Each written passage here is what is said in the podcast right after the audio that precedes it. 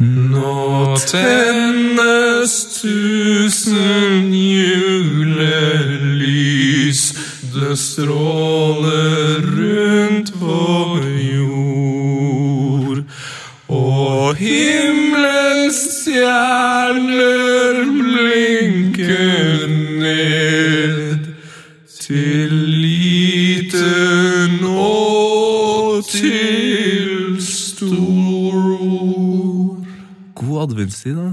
Det var fanken meg ganske fint. Det var ikke så verst. Michael. Han har nummer 13 på ryggen. Han går på skudd! Hjelp, for et mål! Det er over! Det er finito!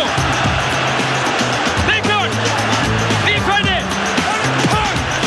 Heia fotball med Tete Lippon og Sven Biskår Sunde. Heia fotball! Heia fotball, Tete far! Heia fotball! God fredag til deg. Og til alle dere som lytter på, da. Oi, du, Det fjeset du ga meg når du sa 'til deg', det var litt sånn mot Jeg trodde ikke på det. det Men jeg, men for jeg faktisk så jeg på det, for jeg så liksom for meg til deg Ja. som lytter på. Ja, Så jeg så for meg lytteren der. Åssen ser du for deg lytteren? Hvem er han? Eh, lytteren er en eh, 26 år gammel eh, hermofoditt, er det det heter? Ja. Eh, Ja, altså Det er både en gutt og en jente. Eh, langt, lyst hår. Eh, bart. Fortsatt ikke rukket å ta den av etter Movember. Dessverre. Så jeg blir litt irritert. Eh, og sitter vel i en lyndrakt Ok. akkurat nå, men er ekstremt fan av Atletico Madrid og, og ikke minst Arsenal. Eh, Det inntrykket jeg har av våre lyttere, er at veldig mange av de hører på oss på bussen. På, at de er på reise et eller annet sted. Mm. Og så tror jeg at det er noen av våre lyttere som sitter nå eh, og koser seg med fredagsrunder med Fifa-turnering. Ja, men Hvor lenge siden er det du har spilt Fifa? Uff, det er altfor lenge siden. Jobber vi for mye, eller skal vi spille mer Fifa på jobb? Jeg jobber altfor mye, Tete. Det gjør vi egentlig. Vi må bare spille mer Fifa på jobb. Godt poeng. Det har vært en fin fotballuke for det her. Eh, ikke så fin som jeg skulle ønske at den var. Fordi jeg har brukt det meste av tida mi, som man får vite litt mer senere, siden jeg regner med, eh, på sitt i fly. Du har flydd mye. Flydd altfor mye. Åh, flydd så sykt mye. Men ja, nei, så jeg har liksom jeg har gått glipp av veldig mye andreomganger, og også veldig mange førsteomganger. Det har liksom ikke skjedd en hel kamp. Jævlig irriterende! Er- Den topper midtuka, så får ikke jeg lov til å være med! Ja, det, det, det som altså, har egentlig redda denne uka for meg, det var den midtukerunda som bare kom som sendt fra himmelen på tirsdag. Jeg var helt uforberedt, så bare får jeg liksom sånn Får jeg melding eh, om at eh, nå må du huske å melde opp fantasy-laget, da, for da er det runde. Jeg bare Yes! Det er runde! Det her- Tirsdagsrunde. det her må vi snakke om. Det her fantasy-laget. Nå skjedde det som bare ikke skal skje. Jeg har liksom vært ganske sånn greit i gang med fantasyen min, føler jeg. Ja. Og jeg skulle, eh, skulle dundre inn eh, wildcardet. Å nei! Jeg bytta altså samtlige spillere, spillere med unntak av uh, Har du, Chances. har, du bytt, har du brukt wildcard denne uka? Jeg skulle bruke wildcardet, ja. Men hva skjer? Nei! Tar du ut alle, så lagrer du? Jeg trykka på feil, så jeg brukte 44 poeng på bytte av spillerne. Nei! Du solgte det! Ja! Så, så jeg hadde en kjempebra runde, men jeg betalte 44. For en massiv smell. Ja. Eh, Hvis det har skjedd deg, eh, kjære lytter, eh, gjerne eh, send meg en eh, melding på Twitter eller Instagram eller, hva- eller på P3 Fotball-mail. ja, Vi, vi må stå sterkt sammen, for det er jo det er tung, det er tung opplevelse. tung greier. Skal vi ta imot uh, ukas gjest? Åh, ja, er Du, jeg skal bare nevne en ting først. Eh, Heia Fotball har en egen fantasyliga. Der leder nå Ole Kevin Rodberg med 869 Ja, poeng. for han har ikke Han har 869 ikke poeng. 869 poeng. 69! Han har 869 poeng. 69. 869 poeng. Ole Kevin Rodberg. Du er. Du er en helt. Eh, Andreplass Einar Vøllestad. Tredjeplass Christian Westgård. Med at Tete ligger på sånn 300-400 plass. Ja, nå ligger jeg sikkert på 800. plass. Det, sist. Det er ikke noe som heter det. Du, vi river i gang uh, ukas gjest, da. Ja, riv i vei. Jeg vil bare si uh, kom med vår catchphrase. Uh, oh yes! Oh, yes! Heia fotball!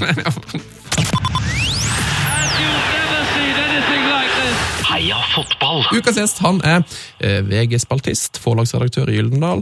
Eh, på fritida blogger han om krim og spioner, og han har skrevet fotballbok. Og han er altså den første forfatteren eh, på besøk her i Heia Fotball noensinne. Aslak Nore, velkommen til oss. En stor ære. Så bra! Hvordan får du tid til alt det her? Altså, Den CV-en din her er jo Jeg synes bare det, jeg synes, tenker sånn Forlagsredaktør. Allerede der hadde jeg hatt 100 Da begynner jeg å bli sliten her. Men så har du da altså liksom på fritida så blogger du om eh, krim og spioner og skriver fotballbok. Og I tillegg så skriver du for VG og sikkert eh, et par andre aviser òg. Ja, jo, stemmer det. Nei, jeg har jo ikke noe særlig liv, da. Så det er vel Det er jo det, det, er det som er grunnen. Ellers så er det livet, på en måte. Ja, ikke sant? ikke Men, sant? fordi, som, som den bloggen OP5 som du driver med Asbjørn altså, eh, Når vi hadde han nå her, så eh, Og det er sånn egentlig det jeg tenker på hver gang jeg snakker med Asbjørn, for han nå gjør jo ufattelig mye. Så tenker jeg, altså, Har dere en hemmelighet som dere ikke vil fortelle til andre? Nei, det er det, ja, jo, Det var, Asbjørn, det var lang latter! Asbjørn og jeg har mange hemmeligheter, selvfølgelig. Uh, nei, vi er jo Vi er vel mer sånn arbeidsnarkomane norske puritanere, altså. Som uh, skeier ut en gang iblant, men som ellers egentlig bare syns at det å jobbe er veldig gøy. Jobbing Ja, er de, fleste, de fleste liker jo ikke å jobbe. De fleste eh, jobber jo for å kunne dra på hytta. ikke sant? Working jeg for the weekend, aldri- jeg har jo aldri hatt noe ønske om det. ikke sant? For meg så er det, Jeg jobber jo hele tiden, på en måte, og så kan jeg godt sove til klokka ti en morgen. og Det gjør ikke noe det, men det er bare, at, det er bare sånn at jeg, jeg jobber hele tiden. Så du, du drar på hytta for å jobbe, i ja, i motsetning til Ja, andre? faktisk. Ja, ja. ja, ja. Men det det er litt sånn som det vi gjør sjøl her, egentlig. At altså, det her er jo ikke en jobb, og, og fotball er ikke en hobby, men til sammen så blir det en jobb. Ja, ikke sant? La meg si det sånn, Hvis vi snakker om fotball, så er det sånn at eh, i, i, i VM-boka, så- som jeg har skrevet sammen med far min, så er vi i Argentina på et sånn mellomspill. altså Vi er der, vi hadde vært i Brasil i første ukene, sett innledende runde av VM. Og så er vi i Argentina, og så, for det er, vi snakker spansk, og det var jo stas å være der. da, og på en måte føle at vi kom litt hjem. Eh, og så, så setter vi oss på flyet fra Buenos Aires, og du vet, flyet tar av, og vi flyr over Estadio Monumental, altså denne legendariske stadion der Argentina tok VM-gull på hjemmebane i 78. Og vi ser ned på den, og så sier jeg til fatter'n sånn Du, nå er jeg tilbake til jobb og hverdagsliv. Og han sier, og han sier eh, eh, Hva mener du nå, liksom? Nei, hverdagsliv, det er jo vår leilighet på Ipanema, der vi skal Og jobben er å se sluttspill i VM på de beste plassene. Så, så sånn sett så er det kanskje ikke så rart at jeg syns det er helt kult å jobbe, da. Du kan si sånn med Asbjørn og også, så er det jo sånn at eh, det er nesten synd å si det, men, eh, men den jobben vi driver med nå, er jo å, å bare skrive en sånn noe greier om, eh, om TV-serier du må se. Og da er jo jobben se se Seinfeld på nytt, da. Så det er klart, det kan ha noe med det å gjøre. At liksom, når jeg sier at jeg synes det at at jeg ikke skjønner de som er drittlei jobben når vi er på hytta, så har det noe med jobben å gjøre òg. Ja, Eh, Den her boka du snakker om, eh, Brasil 2014, Ja. eh, det er en bok som handler om det fineste som har skjedd i år. Mm. Fotball-VM. Altså, er det, det må være noe av det fineste man kan gjøre, å skrive en sånn bok? Ja, det er jo selvfølgelig at eh, vi fikk en oppringing eh, hver for oss, da, far min og jeg, i fjor sommer, fra en eh, forlegger som spurte om eh, vi kunne tenke oss å skrive bok om VM i Brasil. Og da var det vel sånn at det vekka en slags sånn indre tolvåring i begge to, da. For det er jo noe med at eh, når VM kommer, så er, jo, så er vi alle tolv år igjen, altså. Og vi gleder oss til det på den måten vi gjorde da. Var, var dere i Brasil gjennom hele VM? Så dere alle kampene der, liksom? Ja, ja, ja, absolutt. Eller vi var der fra Vi så ikke alle kampene, selvfølgelig. men, eh, men, eh, men vi var der under hele mesterskapet. Fra åpningskampen på Corinthians i Sa Paulo til finalen på Maracana. Så jeg var faktisk på min første eh, første kamp eh, stadionmatch siden VM-finalen forrige uke i Major League Soccer i USA, i New York. Så det var en viss nedtur. Han kom fra Argentina og Tyskland til å se Red Bull mot New England Revolution. Men, men, men det her må vi jo snakke om. Altså, Du har vært nettopp og sett MLS. Eh, hvordan er eh, stemninga i MLS? Aslak Nore tar tempen på MLS her nå. Jo, eh, jeg var der faktisk sammen med en, en mener Norges kanskje største fotballekspert, Tor Christian Karlsen. Eh, og uh, det var altså New York Red Bull mot New England Revolution fra Boston, eller fra, fra Massachusetts. Og eh, eh, det første var jo at denne, det er jo på denne Red Bull Arena i, um, i, uh, i New Jersey. Og det er en fotballarena, da. Og den har 25 000. Er helt lik Salzburg Red Bull Arenaen. Ja, en Men ja, faktisk. Og, det er, og det var jævlig god stemning. Altså sånn i Ja, men altså ordentlig fotballstemning. Ja, men De er glad i sånn- å heie amerikanerne. Jo, men ikke på sånn dustete måte, egentlig. Nei? Det var mer sånn at det satt sånn liksom, sånn, feite blue collar-folk og ropte liksom 'you fucking cunt'. Oi. Det er helt nydelig. Men altså sånn, ja, det var, det var, det var sånn det var. Det er jo det er vakkert, ikke sant? Så de har, Så- de har lært seg heie på fotball der? For dette, jeg har vært og sett uh, hockey der, og det er liksom sånn de, der, der er det bare sånn, sånne skumfingre og, og hotdogs og folk som synger go, 'Let's go Islanders', 'Let's go Ja, ja. Men, men fotballfansen er litt mer sånn Ja, de har lært seg at, Europeiske. Ja, nettopp, og det er jo typisk USA. da, De er veldig gode til å på en måte herme etter ting de eh, Da har de sett det i, i, i Europa, da, at det er sånn man gjør det der. At det skal ikke være sånn døv sånn baseballgreie der du kan bestille Der du kan bestille pizza til plassen du sitter på. sånn, Det kan du i amerikanske, på amerikanske stadioner. ikke sant? Så det er jo ikke sånn. Og så var det mye latino, selvfølgelig. Ja, det Eh, eh, når det gjelder kvaliteten, så er det jo sånn at jeg er ikke så veldig imponert, altså. Og det er, det er en veldig sånn stor forskjell, for du så jo at de beste spillerne i MLS som representerte USA i VM i år, det var jo gode De var jo holdt på å komme til kvartfinalen, ikke sant? Ikke sant? Og det var jo Altså, de beste der er, er gode, og de kommer bare til å bli bedre.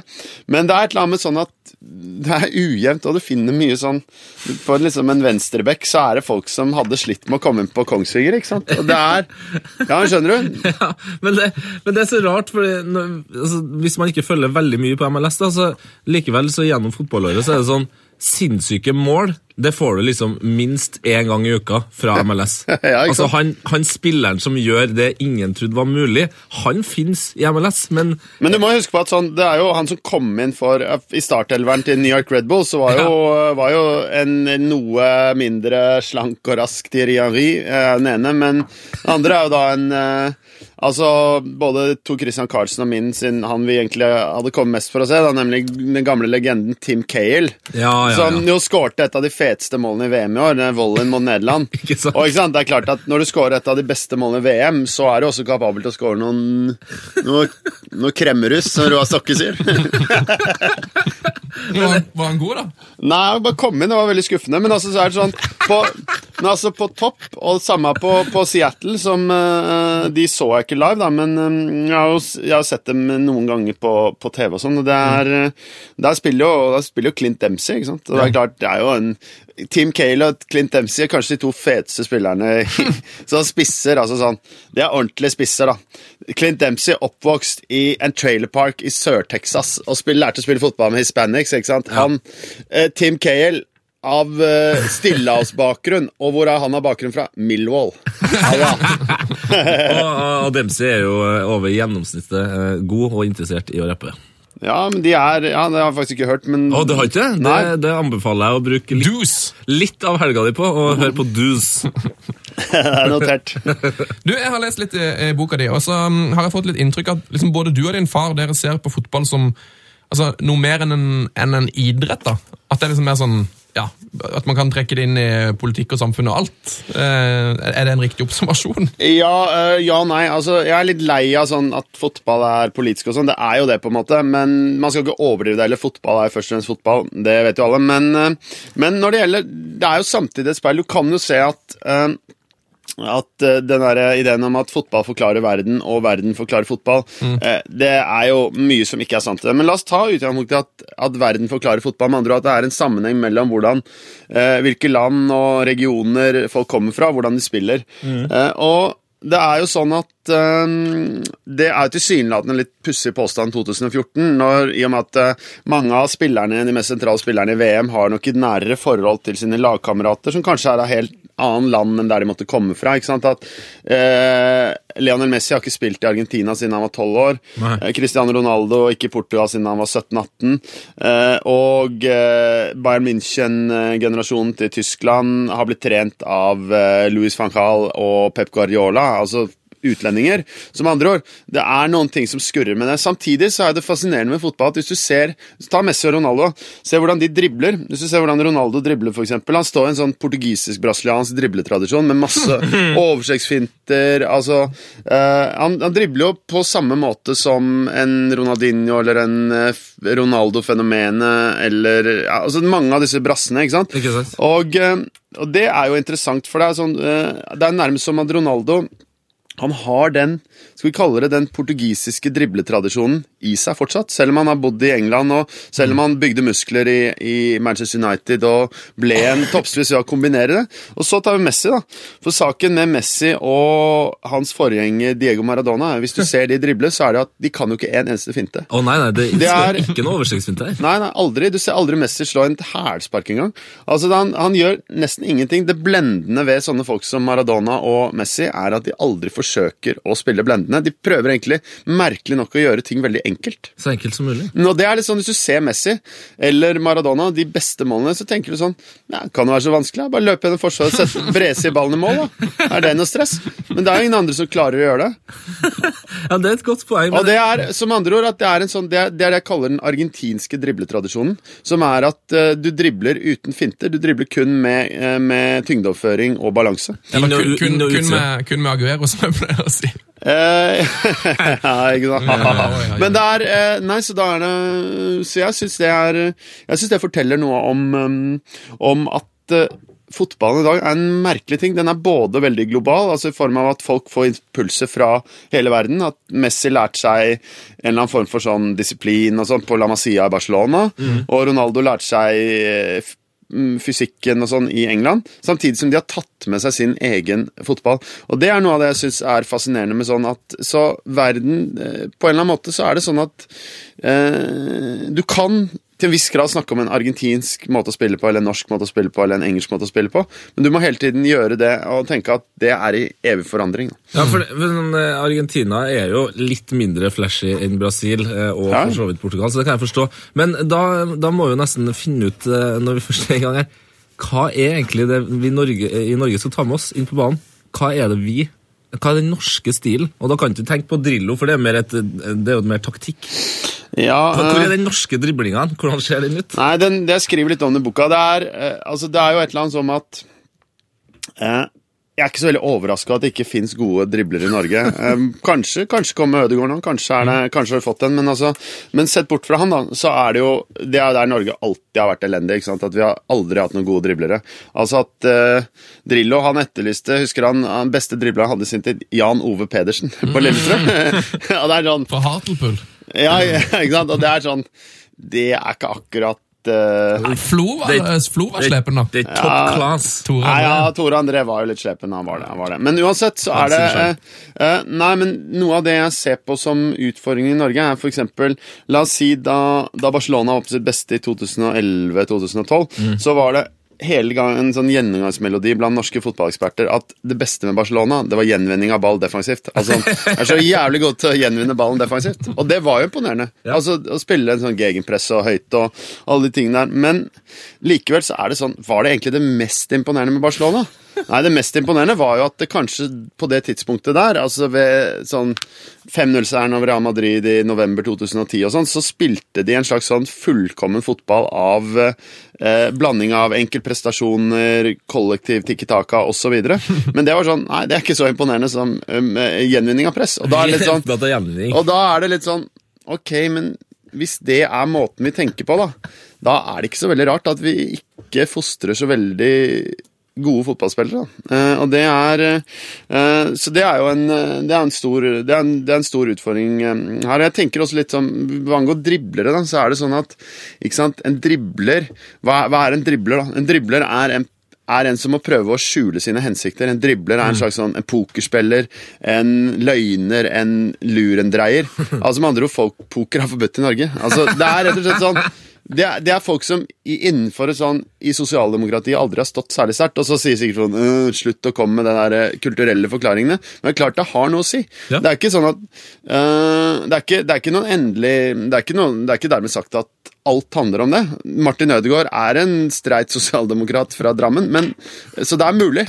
Men det, er, det, det forklarer hvorfor et land som Argentina, eksempel, som er liksom lurendreiernes hjemland, fostrer mye gode fotballspillere. og Vi ikke gjør det på samme måte, tror jeg. Og det er eh, Så det er, det er noe med det er noe der hva, altså Spørsmålet ditt, altså hva er, hva er den norske spillestilen? Altså Det jo, det der er det jo to retninger av. da Mange, Noen som mener liksom, ok, vi må bare dyrke det vi kan, da Ja. som er god organisering. og sånn. For Noe av det jeg har lurt på, er hvorfor vi ikke har klart å En ting er at vi ikke har gode dribler og sånn, men det kan si at det er jo Tradisjonelt, med unntak av, Arjen Robben, og sånn, så har ikke nederlenderne vært kjent for å være driblere. De har vært kjent for å være, altså, spille kortpasninger og sånn kollektivistisk sentraleuropeisk fotball. Og folk som er sykt gode på volley.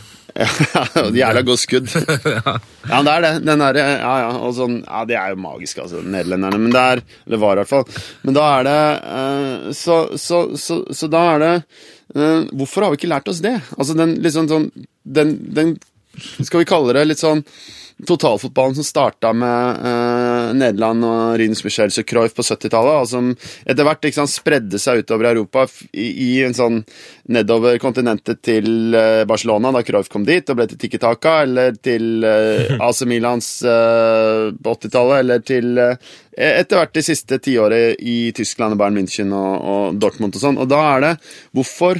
Hvorfor har vi ikke lært oss det? For det er noe som man kunne tenke seg passa litt bedre med norske eh, Med norske liksom, sånn kollektive folkesjela. Da. Man skal ikke, skille- man skal ikke briljere for mye og showe off for mye. Nei. Men da er det nok litt mer sånn at da er det dessverre det at vi, vi, vi, vi, valgte England, da. Det er jo Den har gått feil. Ja, det er nok det, altså. Det er Men- nok det. men- Men, men- så er jo England begynt å spille mer, mer possession-orientert med tida. Det er det som jeg syns er litt problemet i Norge. da, det er litt sånn, Når man dilter etter Nå er jo alle sånn ah, nå skal vi spille nå skal vi spille sånn Rondas som Barcelona gjør, og alle de tingene. Lære liksom de den type fotball, da. Men da er det too little too late. ikke sant? Hvis du ser sånn, Se på Pep Guardiola. da. Han er drittlei tikki taka. Pep Guardiola har begynt å spille langballer. ikke sant? Er det sant? Ja, det er konge. altså sånn, han begynte liksom sånn, for han ser jo at Svakheten med sånn høytpressfotball er jo at du kan bli sårbar hvis du spiller presis langpasninger. ikke sant? Og han er en visjonær. ikke sant? Mens, ikke sant? Mens de folka i Norge da er litt sånn Ja, nå skal vi lære å de, de, de er alltid fem år for seint ute. da. Og det er rett og slett fordi det ikke er dyktige nok eh, folk, tror jeg. Altså, du ser at de to trenerne i Norge som faktisk har fått til noe, eh, Nils Arne Eggen og Drillo, det er også de to smarteste folka vi har hatt. De to mest intellektuelle, to mest eh, teoretiske trenerne. Så til alle som sier sånn «Øh, Ikke mer teori, vi må snakke om eh, Vi må bare brette opp ermet og spille til siste slutt, liksom. Så er det sånn Nei, det holder ikke. Det er, det er prøvd, og det er engelsk andredivisjon anno 1985. Det er ikke dit vi vil. For det, for det er noe som, eh, som jeg har snakka litt om her før, at Rosenborg snakker veldig mye om at de, at de vil tilbake til røttene. Vi må tilbake til røttene, vi skal spille 4-3-3.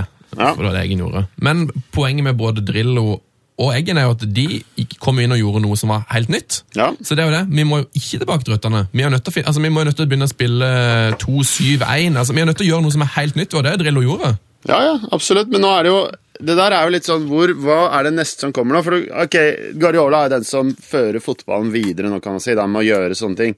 Altså, Han spiller jo sånne systemer. Da. To, han spilte vel 2-7-1, gjorde han ikke det? Jo. Og da er det øh, Men jeg tenker at ja, kanskje er Jeg har mer tro på da at i den grad det kommer noe helt nytt, sånn som det, kommer det fra USA. For det er gjerne der altså Amerikanere er så opptatt av nyvinninger og sånn som det. Per dags dato så er de ganske hjelpeløse taktisk. Eller det er ikke noe kul taktikk, da. Det er liksom sånn uh, Det er i beste fall liksom ok sånn anglofotball, da. Som, mm. Med å, å spille med guts og løpskraft sånn. Og det er helt kult, men Kanskje en vakker dag så vil det komme en, en amerikansk fotballrevolusjon. Og det hadde vært veldig gøy. Ja, og det, og det tror jeg er en av grunnene til at jeg i etterkant har blitt så glad i VM 2014, er eh, at jeg så hvor viktig og hvor artig amerikanere syns det var.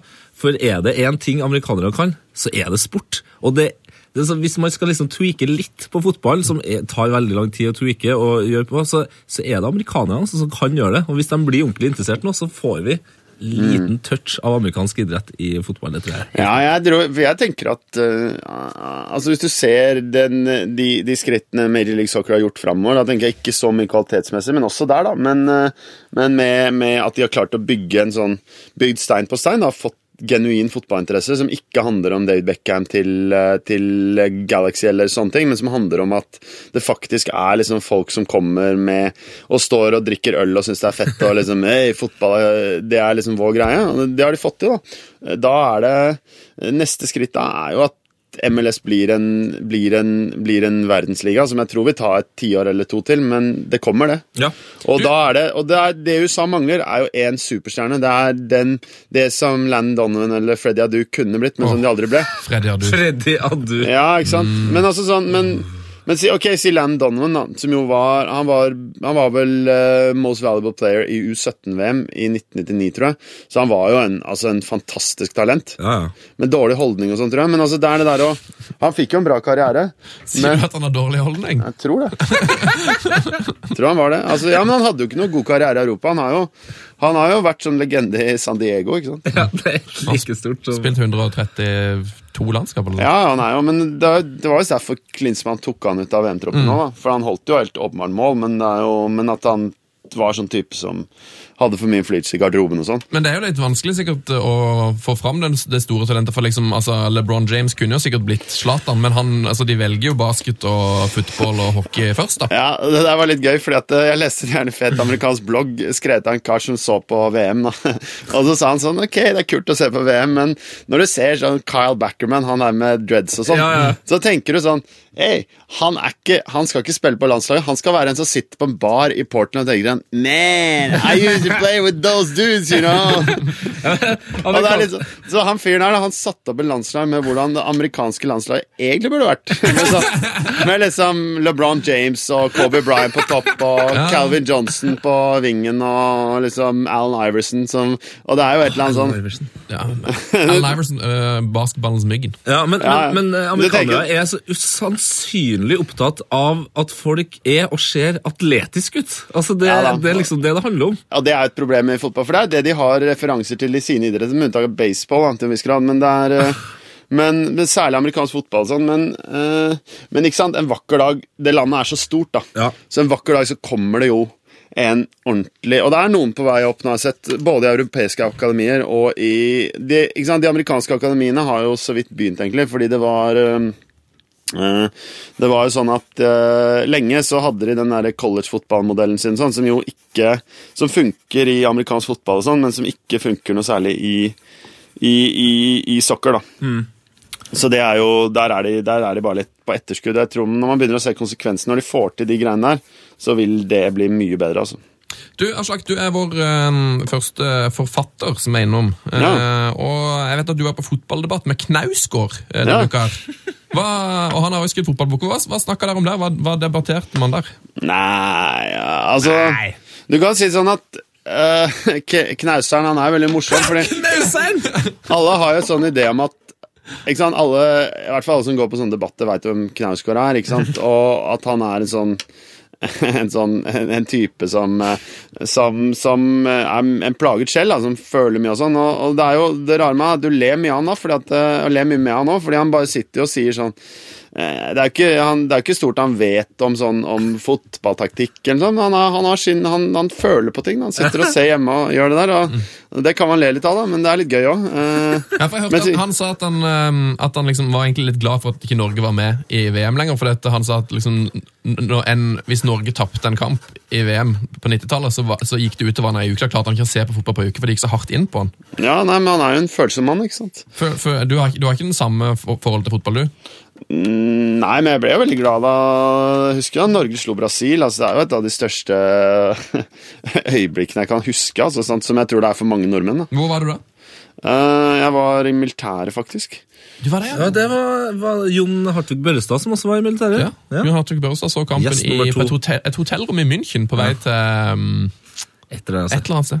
Du, altså, du var i militæret, satt du liksom i en koie, eller hva det heter? Nei, vent da, jeg var faktisk Jeg satt uh, Nei, jeg var i militæret, men jeg satt uh, Hvordan var dette her? da? Jeg var på jeg var på, jeg var på vei inn Jeg så kampen Jo, sånn var det. Jeg så kampen i Oslo, men så kunne jeg ikke være med å feire i Oslo, for jeg skulle tilbake. Så jeg måtte bare dra med en gang. Det var litt nedtur, da. Ja, Det skjønner jeg, fordi da så jo Oslo ut som eh, Argentina. Ja, ikke sant? Så det var eh, Det viser jo litt om hvorfor det er viktig å få fram et godt fotballandslag. For det er vel Selv ikke fotballinteresserte nordmenn mener at det der er noe av det største de har opplevd. Utvilsomt. Og det er jo eh, det her, altså Grunnen til at vi ofte spør det spørsmålet, er at det er jo det nye 'Hvor var du når Oddvar Brå brakk staven?' Altså, alle husker, Alle husker hvor man var hen. Ja, ja, nei, glem Oddvar Brå og staven. Ja, men det er det er på tide nå, liksom. Du, eh, jeg vet at det finnes noe som heter Forfatterlandslaget. ja. Spiller du der?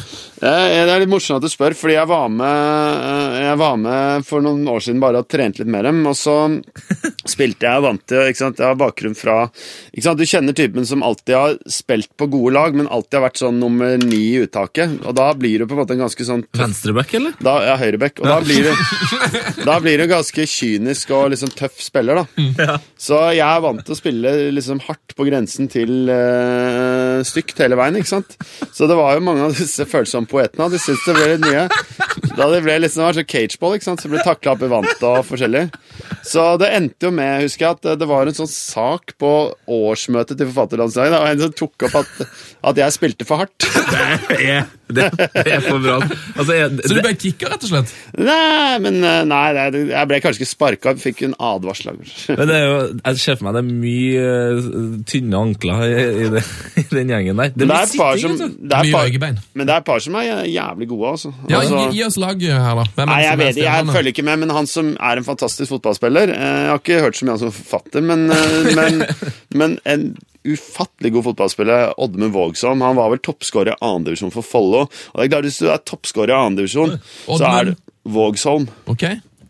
Ja, det, dette Men han er vel Jeg har vel knapt Vet ikke, vet ikke hvor mange bøker han har gitt ut, men altså han, han spiller på Forfatterlandslaget? Ja, han har gitt ut én, i hvert fall, men han er en Uansett så er han en jævlig god fotballspiller. Altså, det er sånn Det er der Hvis du har spilt fotball, så ser du de som bare har det. De som har en slags sånn Har en sånn Det er rett og slett bare Som har det i seg. Altså et steg, en mottak, skudd, alle ting tingene der. Åssen er knausene, da? Jeg har faktisk aldri spilt mot den, men det uh, kunne være interessant. Da skulle jeg gitt den noe Litt sånn Gitt den noe å tenke på? Ja, gitt den noe Ja, jeg tror det. Jeg tror det, jeg tror det. Vet du hva han spiller på banen?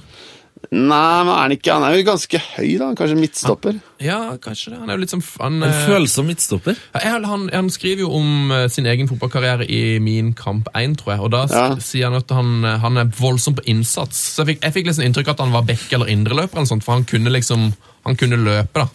Det var hans store Han var en runner. Um, ok, ja, men Jøss. Yes.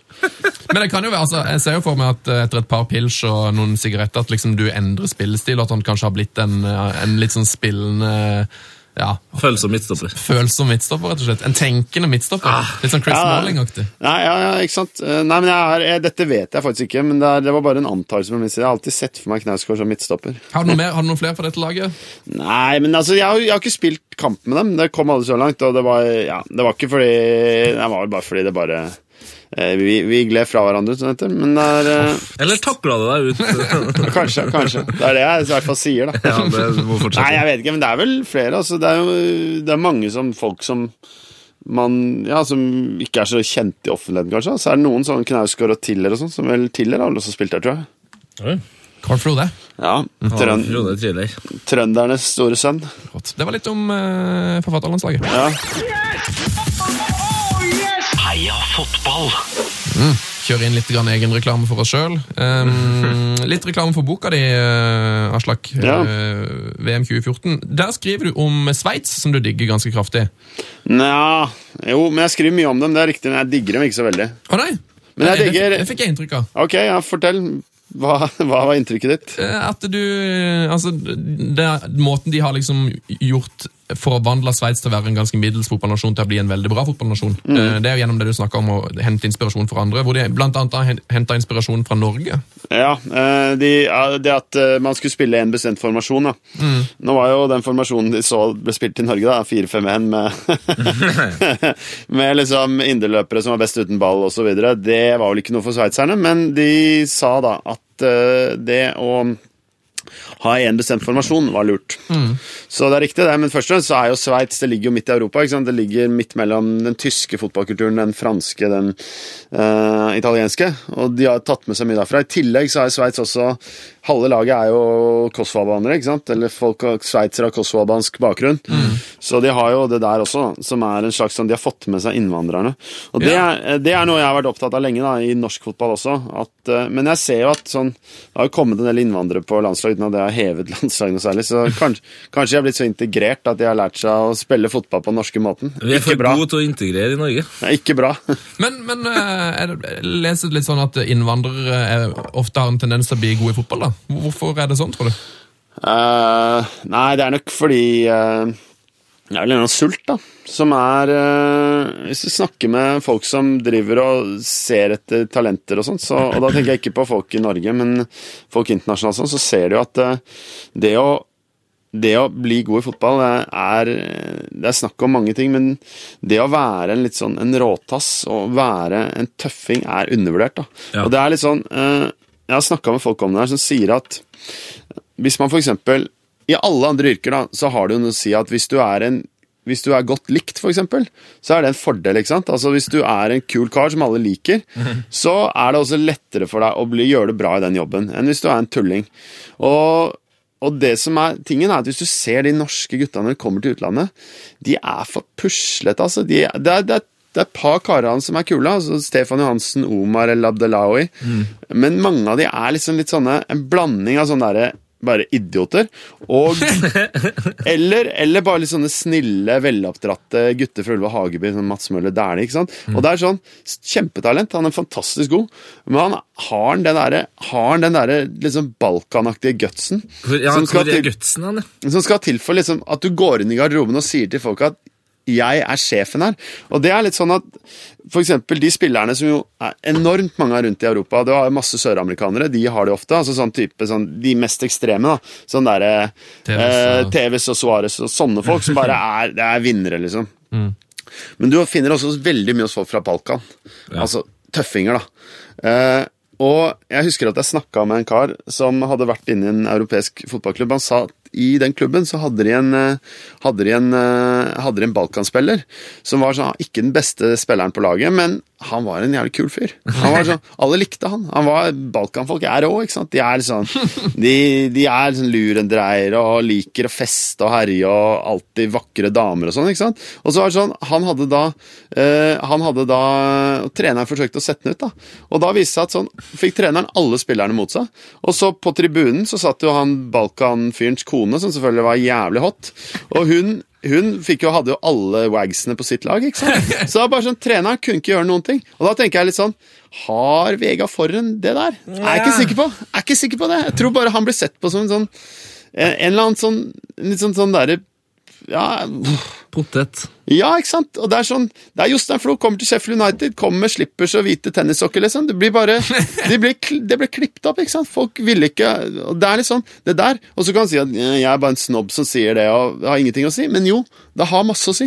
Og det er det der at når du kommer inn i en sånn gruppe som det, med mindre du er helt enestående god, så er det nettopp de tingene der som betyr masse.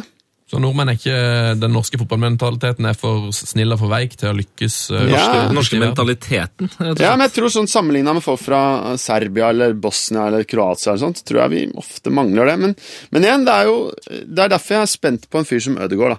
Fordi han er eh, Han er jo Messi. Ja, ikke sant? Han er jo en slags sånn Det er jo noe sånn Messias-aktig over hele fyren. Men, og Ja, jeg, de, de store tennene der er jo, altså, de er jo skremmende hvite. Men jeg er spent på, jeg er spent på det, om man har, om man har det derre Noe i meg noe i meg tenker at han ikke har det, noe i meg tenker at han har det. Altså Da tenker jeg på det psykiske til å bli en verdensstjerne.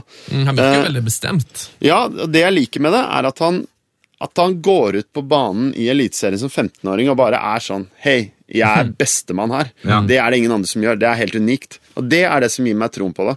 Men så er svakheten litt at eh, eh, Altså, han har likevel vært omgitt av folk som vil han veldig godt nå.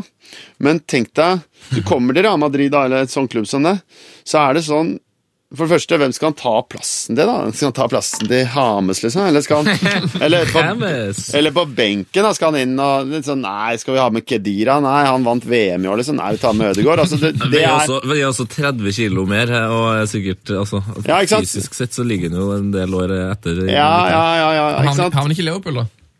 Nei, ja, Gjør han det, så er det jo bare Altså, da, da vet jeg ikke hva jeg skal si, ass. Men det er- vil jo bare være helt det er natta, på en måte. Men, Gutt, gutten må til, til Ajax. Gutten må gjøre som f.eks.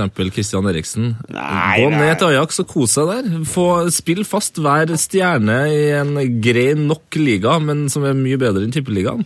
Og så ta seg turen videre. ja, men det er litt sånn, sånn snusfornuftig ting å si. Det er litt for kjedelig, syns jeg. Ja, men jeg mener da, er du er, du ha? Atletico Madrid, da.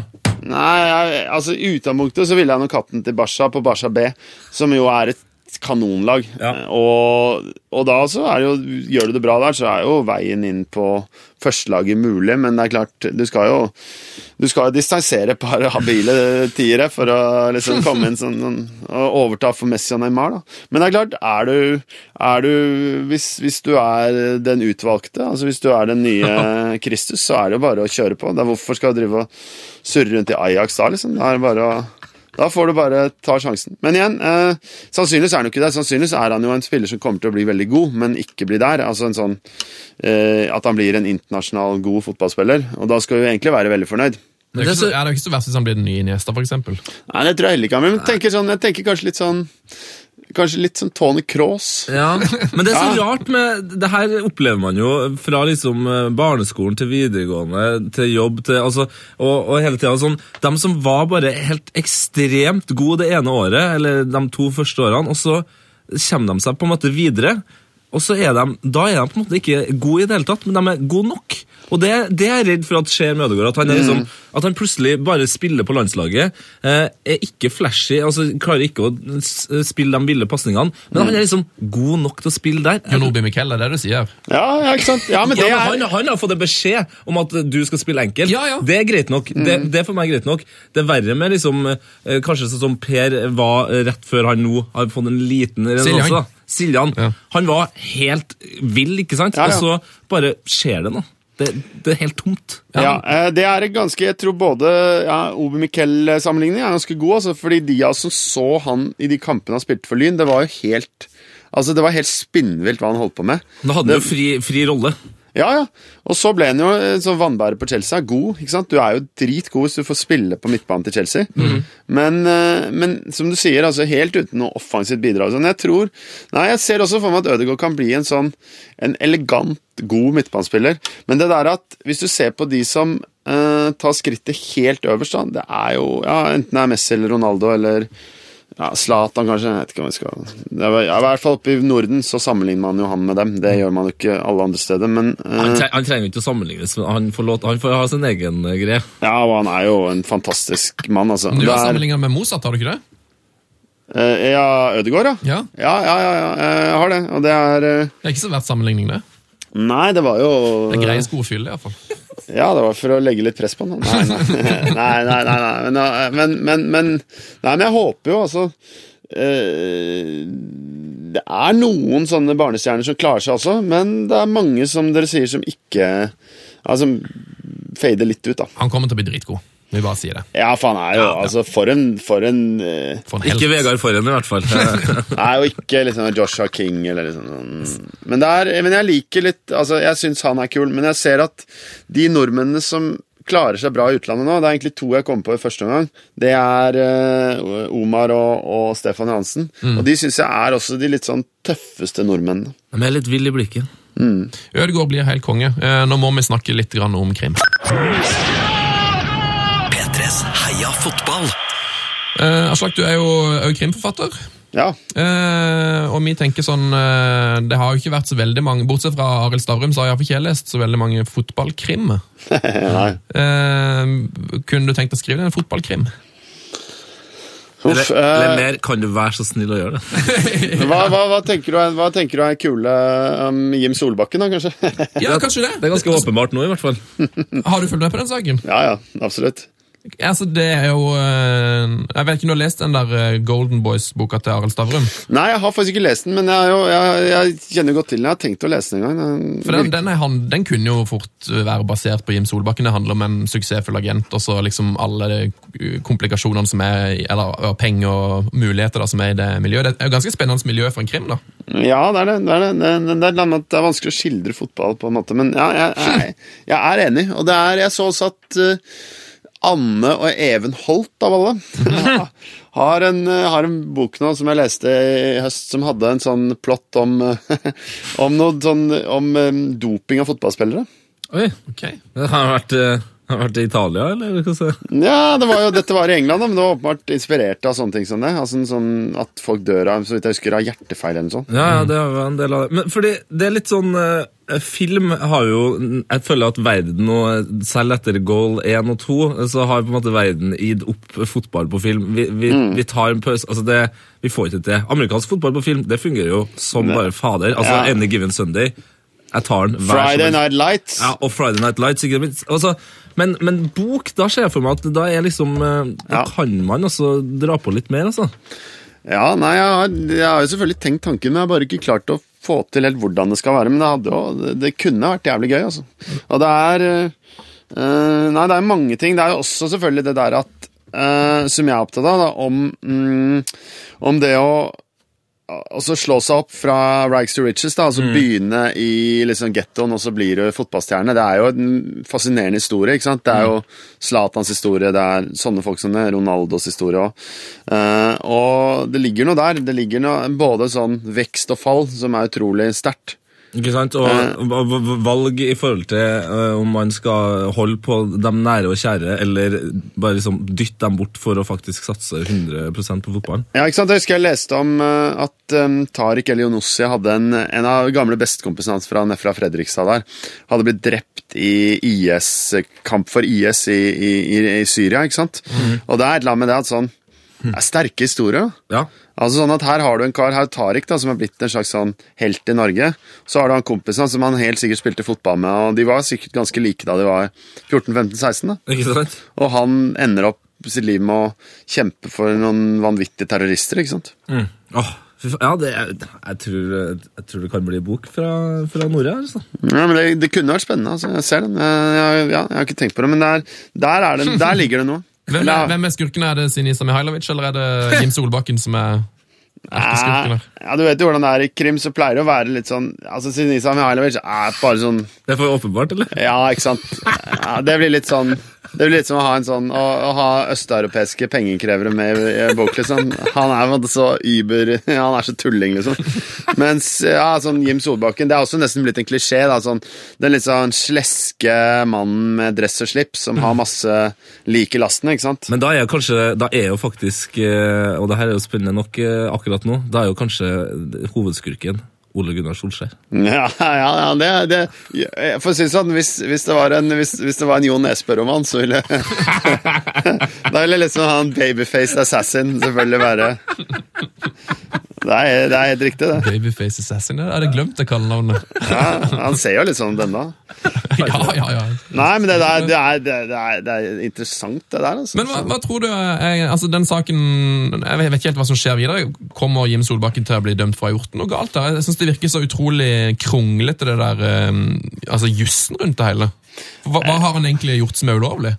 Nei, Nå skal ikke jeg sitte og, og konkludere det her, for det er det vel ingen av oss som strengt tatt veit. Men eh, det man jo veit, er at eh, Altså, hvis du Det er jo åpenbart ut fra ting han har sagt i pressen. Eh, med åpne kilder, at han har motsagt seg selv om hva, han har, hva slags forhold han har hatt til eh, Mahmed Diouf. Det må det være lov å si.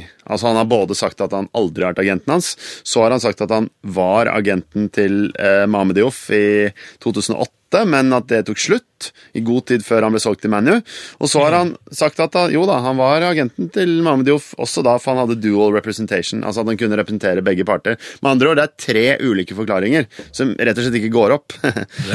så det er klart at da må vi forutsette at det har vært en slags form for hattebytte her. Vi vet også at Mahmoud Diouf var representert ved hans advokat Flågan, eller noe annet. Mm. da, da, da, da, mm, da de under forhandlingen med ManU, da. Og da er det jo i og med at han er advokaten til Solbakken selskap Dynamic Solution, så er det jo grunn til å anta at det er snakk om eh, det man på eh, forretningsspråk kaller en stråmann. da. Altså en som bare er satt inn for å gjøre noe som ja, Ja, ikke sant. I og med at de ikke kjente hverandre sånn. Det er i hvert fall, Dette er Jossimar sin eh, tolkning av det, den ser jeg ingen grunn til å bestride, egentlig. Ja. Eh, Håvard Nordtveit var jo ute på Instagram og la ut et bilde og sa at, at uh, Jim Solbakk fikk altfor mye pes, og vi burde hylle han for den jobben han har gjort med å hjelpe unge spillere ut i, i fotball-Europa. Har han et poeng der, da? Ja, da så. Da må vi bare ja, da, Helt enig. Ingen grunn til å være noe kritisk fordi Håvard Nordtveit lagt ut et Instagram-bilde. On, liksom! Det er bare Altså, herregud, han er jo, kjenner jo Jim Solbakken, liksom. Hvis det er noe du kjenner er problemer, da. prøver å støtte opp han, på en måte, selv om du kanskje innbiller deg at han kanskje har gjort noe. Nei, jeg, aner men, jo, jeg aner noe, men det er uh, Altså, det jeg vet, er at det jeg har sett mange si, da, er at sånn, han har tøylet regelverket og sånn som det, men ikke, dette er mer moralsk spørsmål enn et juridisk spørsmål og sånn. Men det er sånn, ok, men la oss si det sånn da, at er det noe, eh, hvis det er noe eksempel Økokrim driver med når de skal avsløre økonomisk kriminalitet, så er det jo nettopp å gå bak det tilsynelatende oppsettet som er gjort. Altså Ja. finne ut at, ok, han fyren som har vært som står oppført som eier av det selskapet, han er bare en stråmann. Altså, nå snakker jeg ikke om Jim Solbakken-saken, nå snakker jeg om annen økonomisk kriminalitet generelt. Så finner man ut at han som står oppført som eier av det selskapet, han er bare en stråmann som brukes av en annen for å tappe det selskapet, eller for å fakturere seg selv, eller lignende ting. ikke sant? Og det er sånn, Da er det nettopp eh, de som jobber med å avsløre økonomisk mislighold, som må se på disse tingene her da, og gjøre noe med det. Og da er det litt sånn at selvfølgelig må den samme metoden anvendes her. Ikke sant? Selv om det er fotball. Altså, Ja, folk, det- folk, folk surrer litt mye med det. At det er fotball og spillere. og altså det, det er økonomi det er først og fremst går på her. Det, Eh, det er penger. Ja, jeg, min magefølelse sier at dette er en type praksis, uansett om den er lovlig eller bare uetisk, som har foregått, eh, eh, som har foregått lenge i Norge. Og sikkert også i andre deler av fotballverdenen, men kanskje spesielt i Norge, som har et sånn lite gjennomsiktig miljø, der alle kjenner alle. altså Oslo Børs er innsidebørsen og alle disse tingene som vi vet. Eh, og, at, uh, og at dette har bare fått Dette har bare pågått, uten at folk har satt noe ordentlig stopper for det. Og derfor er det kanskje bra at noen gjør det. Ja, det er jo et eller annet uh, altså, snodig det som er uh, nå, at liksom, det er jo, jeg lurer på, Har han gjort noe som er feil i forhold til norsk lov, eller har han bare brutt NFF sin regler? og Hvor alvorlig er det? Eh, Ja, nei, det er jo, Ingen av oss kan vel egentlig den finjussen i dette her, da. Men, eh, nei, men jeg ser det som interessant. Altså, for det er Sånn som jeg har forstått at NFF sitt regelverk om agentvirksomhet er, så er det helt åpenbart at det står i motsetning til hva han har drevet med, og sagt åpent at han har gjort. Altså der han har åpent inn, i praksis innrømmet at flere hatter. det blir spennende å følge videre. Ja. Rett og slett. Rett og slett. Heia fotball med Tete Lidbom og Sven Biskår Sunde. Og vi har besøk av Aslak. Der, ja. Det var kul. Han, eh, Aslak har nå nettopp fått en liten overraskelse av oss. Vi driver med noe som heter Trynemix, eh, Aslak. eh, Hvor vi altså rett og slett klistrer sammen fjes og eh, og fjes. kjent- Fjes og fjes. Kjent fotballspiller. Eh, Og på posten også har du fått et bilde av en fyr som Vi vet ikke helt hva han skal hete for noe, men eh, foreløpig heter han Nord-Erik Kantonaslak. Ja, jeg, vil, jeg tenkte Noreric, altså mer sånn Balkanaktig. Ah, ja, Noreric. ja. Eh, Det er jo, vi er har kaller han Kanton Noreric. Ja, ja, ja. ja. Ja, han, begynner ser- han ser ut som mer sånn derre Du skjønner at han har lagd litt uh, faen for eh, poetene på forfatterlandslaget, eller? Ja, du ser at han der har drevet med noe bøss. Ja, ja, du ser det. det er, eh, han, han, han eier garderoben, for å si det sånn. Altså, med tanke på, Du har jo snakka en del med, om Balkan, balkanfolk, og sånn, og jeg syns verken du eller Erik Cantona ligner eh, altså, har veldig sånn balkanske trekk, men sammen så er dere altså Det krutt her, altså. ligner veldig på Leo Ajkic, faktisk. Ser du det?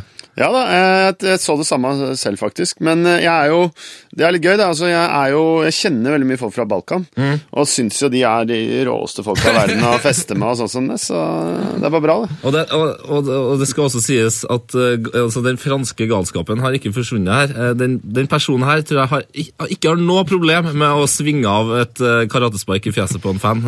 Nei da, og dama mi er fransk også, så det får være, det får være greit. Hvilket navn valgte du her? No- Noreric? Ja, Noreric. Kantonaslak. Du kan se Noreric Kantonaslak hvis du går inn på P3 Heia Fotball på Instagram. Der legger vi ut det bildet. Da Tagg meg, da. Jeg har altfor få følgere på Instagram. Du, det skal vi fikse! Du, hva heter du på Instagram?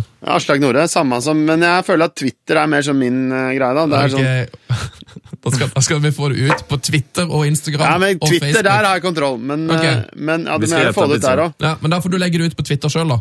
Ja, ja, bare, men bare tagg meg inn der òg, så skal jeg få det ut. Altså. Men, er, men Twitteren er liksom min eh, Altså, Du som hører på nå, du hører en uh, mann som trenger hjelp på Instagram. Ja, jeg føler at Instagram uh, Men jeg sier sånn, søsteren min sier til meg sånn Nei, men Instagram er ikke for sånn som deg. Det er mer for sånn estetisk anlagte menn. Og da tenker jeg litt nei, nei, nei, det, det er for deg. det er bare, du må bare få noen følgere, og så blir det bra. Ja. Apropos uh, estetikk, nå skal dere få høre vår favorittjingle, uh, straffesparket.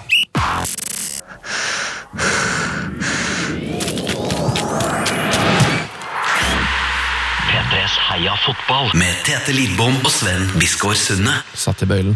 Eh, Aslak Nore, du har vært i, og sett hele VM i Brasil. Jeg føler ikke vi snakka snakka nok om det. Eh, hva, hva var liksom den råeste opplevelsen med hele VM?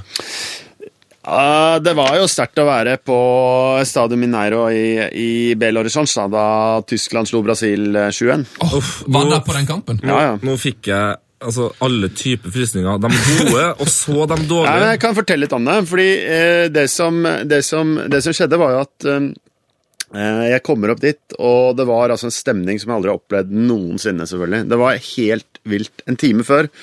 Eh, det var bare en sånn, en sånn sug og et trøkk på den stadion, som ikke er enormt stor, men som har en veldig intim og ekstrem akustikk. Og det er sånn, På alle VM-kamper så spilte de ACDC Thunderstruck for, eh, for å liksom fyre opp publikum. Eller Men, eh, som vi kaller ja, det vet tro. Men, men der var det Men der bare forsvant den.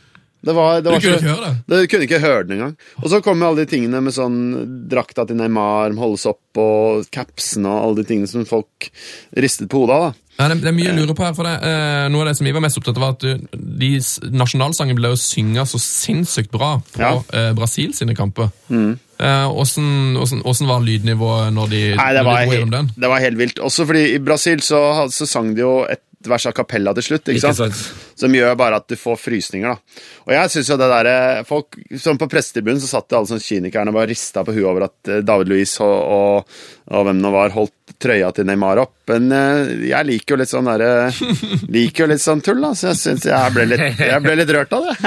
Ja, men det, Men- Du skal men- være ganske vill for å ikke bli rørt av det. Nei, ikke sant? Men så begynner jo kampen, da. Og det rare er jo at de første ti minuttene så har jo egentlig eh, Brasil overtaket. Eh, jeg husker jeg har notert bare sånn Brasil ser sterke ut.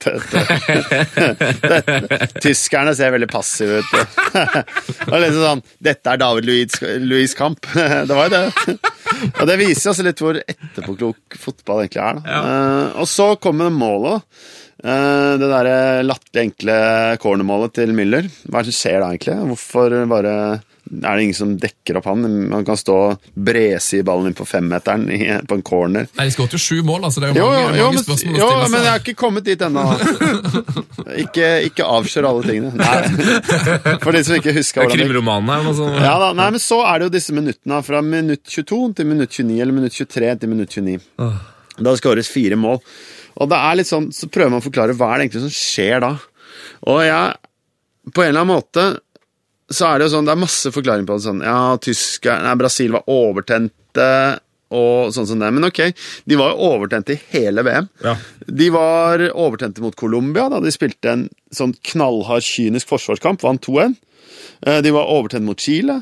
Eh, Så det er ikke Det er rett og slett bare en sånn En eller annen type sånn eh, Altså en sånn systemkollaps. Som det der at én av en million ganger så kollapser et fly, liksom. Ja. Eh, uten at man helt kan forklare hvorfor det skjer. Det er bare en sånn summen av mange små deler som gjør at katastrofen er et faktum. Og det er det nærmeste jeg har kommet en forklaring på dette her, altså.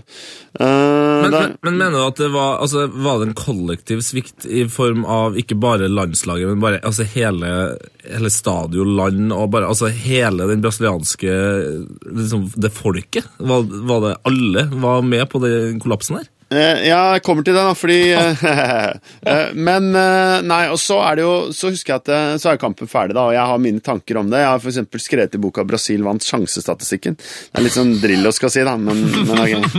men ok, det er ikke helt uinteressant. De gjorde det. Jeg tror mer at det er en sånn Altså at når lag som Tyskland har det De scorer på alle sjansene de har i kampen, omtrent. Med unntak av par De hadde et par store sjanser i slutten av andre omgang, men Inntil da så scorer de på alt. Og det er rett og slett sånn at det er som sånn Husker du noen av de kampene da Rosenborg slo Brann 10-0 på Lerkendal? Det er en ja. sånn det er, ja, ikke sant? Det er en sånn merkelig ting der man kommer inn i en sånn flytsone der alle ting bare går. Eh, og alt for motstanderlaget er motsatt. Eh, så sånn var det. Og så har man, og så etterpå da, så går, nå, eh, så går jeg til bussen, for da skal jeg bare ta en sånn pressebuss ned i sentrum av Belo. Der skal jeg ta en ny nattbuss til Sao Paulo og se Argentina-Nederland. Eh, og så eh, Ja, det var ganske kaldt på den bussen, bare så det er sagt.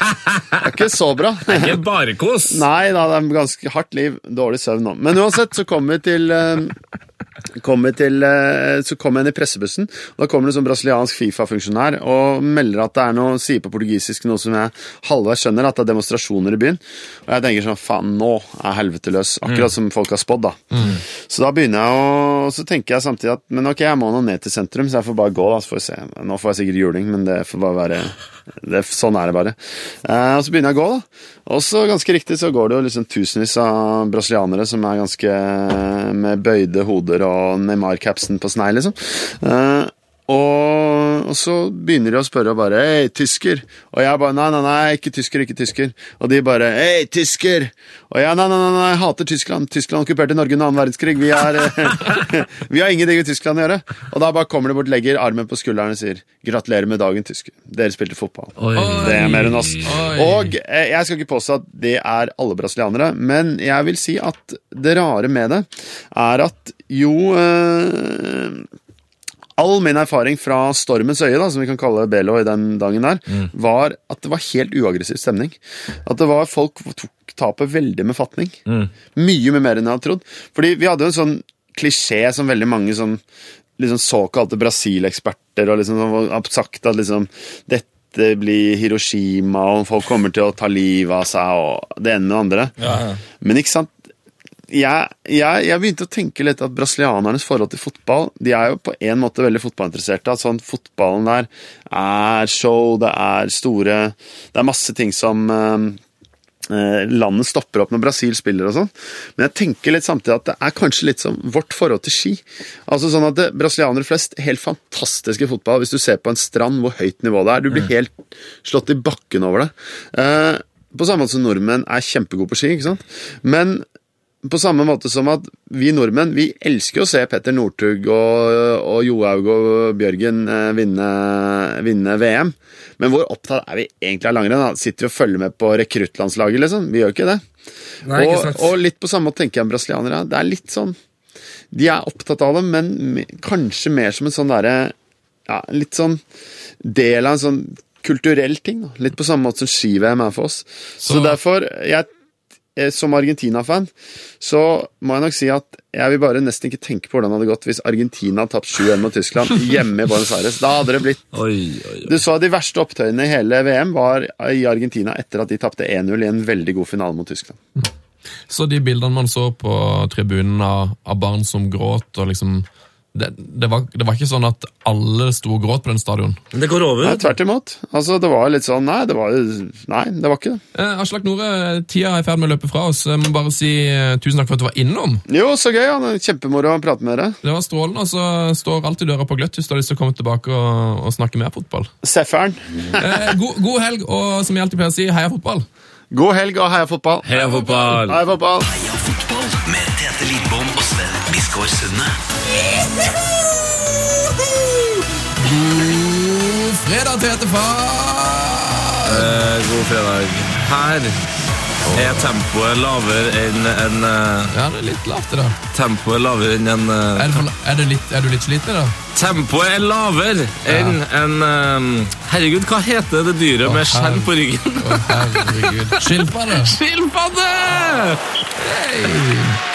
Du, jeg, er føler meg, uansett. jeg føler meg som en eh, skilpadde i dag. Eh, på en god måte. Altså, En eh, mye voksnere Tete Lidbom er jo en dag eldre enn i går, eh, og mm, har mye erfaring. eh, har opplevd mye i livet mitt, Mm. og har fortsatt 100 år igjen å leve. Du, ehm, jeg tror vi ehm, Altså, det var, det var rakk vi ikke så mange spalter med. Shit, siden siden det rakk så, vi ikke. Vi hadde Så- så mye annet å snakke om. Så kan vi kanskje ta noen av de faste spaltene våre. Ja, hvis vi rekker det, da. Vi rekker Jeg tror det, faktisk Rekker vi shit, det rakk vi ikke? Siden vi ikke Altså, Er det her første, en av første gangene vi Shit, det rakk vi ikke. Shit, det rakk vi ikke. Det spørs, vi får se. Mm. jeg foreslår at vi begynner med en av våre mest populære spalter. Åh, ja. Breddefotballspalten. Ok. Den. Steinkjer, Steinkjer, Steinkjer. Det er ingen som blir et sånt fotballag som vi. Gå nå på, så skal vi slå. Ingen kan slå SFFK. Yes! Velkommen til Breddefotballspalten, og ikke minst velkommen til vår nettsjef Lars. Hei, Lars. Hei, hei, hei. Har du det fint? Ja, du hadde lys eh, Hei, hei, hei. Hei, høy. Jeg er litt sår i halsen, så jeg har ikke det så bra. Men jeg skal Jeg trodde det var sår i ræva. Boom, boom. Morsomt og, og stilig. Ja. hva skjer i breddefotballen, Lars? Har du noe nytt å melde? Eh, Ja, i forrige podkast så fikk vi jo Fikk jeg jo litt Jeg vil ikke si kritikk, jeg vil si påpakning om at det var for bra. For lang! For lang spalte. For lang spalte. Eller det var egentlig Sven som sa det, da. Jeg sa ikke at det var for langt. Jeg bare det var, jeg Du sa det var for langt, Sven. Du sa det var for bra. For bra research. Ja. Det var for mange uh, saker. Hvem hadde vi snakka så mye om? Uh, han Fiske, var det ikke det? Kjell Fiske, ja. Kjell Fisk. Hei, Kjell. Kjell. Så, ja, så det, vi kan forvente oss færre breddefotballnyheter da. Eh, en, en sak. Oi, Veldig fokusert, eller? Eh, veldig fokusert, og det er følgende overskrift. Robbie Williams takket nei til RBK. Nå åh, Ok, det her Ja. ja. For jeg er som sagt litt treg i dag. Litt som en uh, skilpadde. Det her må du si en gang til. Det var lureoverskrift. Det er Robbie Williams takket nei til RBK. Å nei! Vi snakker ikke om artisten Robert Peter Williams. Vi snakker heller ikke om RBK heller, altså Rosenborg fotballklubb. Rosenborg, yes. Ja. Men det er altså 14-åringen Robert Williams som holder seg i Stjørdalsblink. Det her har jeg pluk plukka opp på Twitter. Oddbjørn Hvelve sier Hei, Oddbjørn. Hei, Oddbjørn Hvelve. Han er fra Selbu, tror jeg. Lett å takke ja til RBK som ung gutt. Robert Williams, 14, er ikke en av de. Fortsetter i blink til han blir ferdig med ungdomsskolen. Hashtag breddefotball. Men uh, ja, det her er jo helt nydelig. Uh, uh, hvorfor er en dude fra Selbu interessert i Stjørdalsblink? Aner ikke. Nei, ok. Han er veldig interessert i fotball, står han på profilen hans. Vil, er det Du, du? Oddbjørn Hvelve han, eh, han følger med glede på Twitter. Han tvitrer masse bra om fotball. Han, Ja. kan, han Ja, du kjenner han, ja? ja, vi har, Han tvitrer mye med fotball. i hvert fall. Sve- Selbu-twitrer. Han er. Eh, men eh, et spørsmål, kan jeg få et spørsmål til? Fyr løs. Eh, ja, Var det du eller en eh, lokalavis som har eh, valgt uh, overskrifta? Det var meg. Oi! Så, oi! Jeg har tatt diverse nyheter, og så har jeg bakt det sammen til min egen nyhet. Da har jo breddefotballen virkelig fått Altså Nå er breddefotballen som en breddeavis, altså en lokalavis. Nå setter jeg enda mer pris på den spalten der. Kanskje litt, litt vel BuzzFeed-aktig, eller? Nei, det her syns jeg vi skal fortsette med. Jeg gleder meg veldig til Paris eh, Hilton eh, Ja. eksempel har noe med noe oppi skokk å gjøre. Jeg fortsetter med sitat fra Stjørdals Blad. Ja. Trøndelags fotballstorhet Rosenborg er selvsagt klar over talentet og vil ha 14-åringen, men inntil videre blir, forblir Robert Williams Stjørdals Blink-spiller. Rart at Filmavisen ikke hadde en trøndersk oppleser. Skal jeg fortsette med som Du, filmavis? du, snakker, så utrolig energisk. Jeg elsker det. Nei, det, det er sitatstemmen min. Ja. Skal jeg ta og fortsette resten på sånn uh, Gjerne gjør det. Ja. Stjørdals Nå må du kurse. A-lagstrener i Stjørdalsblink, Roar Vikvang, sier Williams blir en del av A-stallen i 2015. Og de spiller da i andredivisjon, sitat, uh, eh, in inkorporert. Uh. men, skal, men han skal trene økter med G16-laget for å holde kontakt med kameratene sine. Og så kan vi jo spørre oss, er han for ung til å spille seniorfotball? Nei. Han er egentlig det, vet du. Ett år for ung, mener du? Ja. Men får- de skal søke dispensere fra Norges Fotballforbund. Og siden han er i landslagsdiskusjon, regner jeg med at det går alles greit, sier en Vikvang. Fy. Men jeg håper de tar, eh, tar deg på alvor her, eh, og at de fortsetter å kalle gutten eh, For det er jo en gutt, det her. Dette for- faktisk gutten her. er jo faktisk en gutt. Nei, en 100 gutt. At de kaller ham for Robbie Williams Du- til framtid. Kan, kan dere love meg en ting? At vi til neste år så reiser vi og ser Robbie Williams spille for Sørlandsblink? Ja! Ja. Med en liten roadtrip. Oh, nå ble jeg skikkelig redd for at du sa at vi skulle se Robbie Williams spille konsert. Spektrum, liksom? Ja, Nei, nei, for det ville jeg ikke gjøre. Så hei, Robbie Williams. Rå type.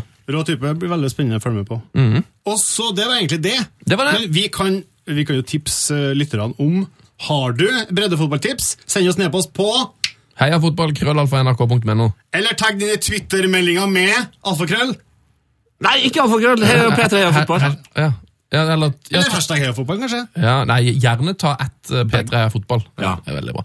Og følg oss gjerne på eh, Twitter, Instagram, Facebook. Vi heter P3 Heia Fotball over hele linja. Og så må vi altså Mas, huske, mas. mas. vi huske en ting til. Det er lov å abonnere på podkasten. Den finner du i iTunes. Og det er ikke minst lov å kommentere. Ja, og i uh, stjerner, og da helst fem. Altså, hvis du, hvis du hater podkasten, gi fem stjerner, og så skriver du det her er det dummeste jeg har hørt. Det, det er greit, men bare gi oss fem stjerner. Det. Um, det er jo sånn at Lars har med seg en ny Ghana-låt i dag. Ha!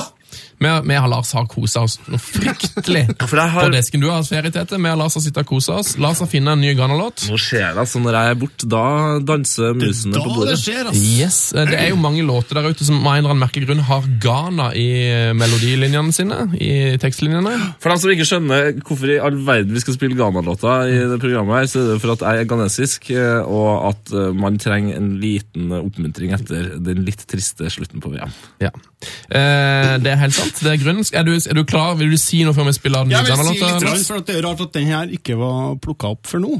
Ja. Den, var jo, den er jo tross alt fra 1987. Yes. Og det, jeg vil si at den, den er litt Det er kanskje derfor den ikke plukka opp. Ja, men den er så kjent. Det er en massiv hit. Jeg tenker, For dette her er en Stock Aitken Waterman og Andersen-produksjon. Ja, det er bra. Det var lurt sagt. Så nå skal vi spille den klippen, og så da Yes. er jeg Her kommer den nye Ghana-låta som Lars har. Eller den gamle, nye. Gamle. Hør nå. Never gonna give you up, never gonna let you down. Never gonna, Run around and desert you. never gonna,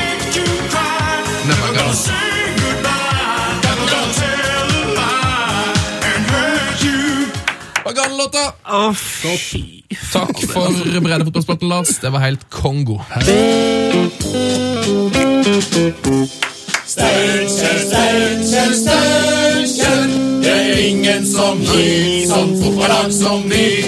Gå på, så skal vi sjå. Ingen kan slå SJFK. Det var breddefotballspalten. Tusen takk til Lars, vår nettsjef. Jeg skjønner jo hvorfor jeg ikke har ferie. Eh, Hæ?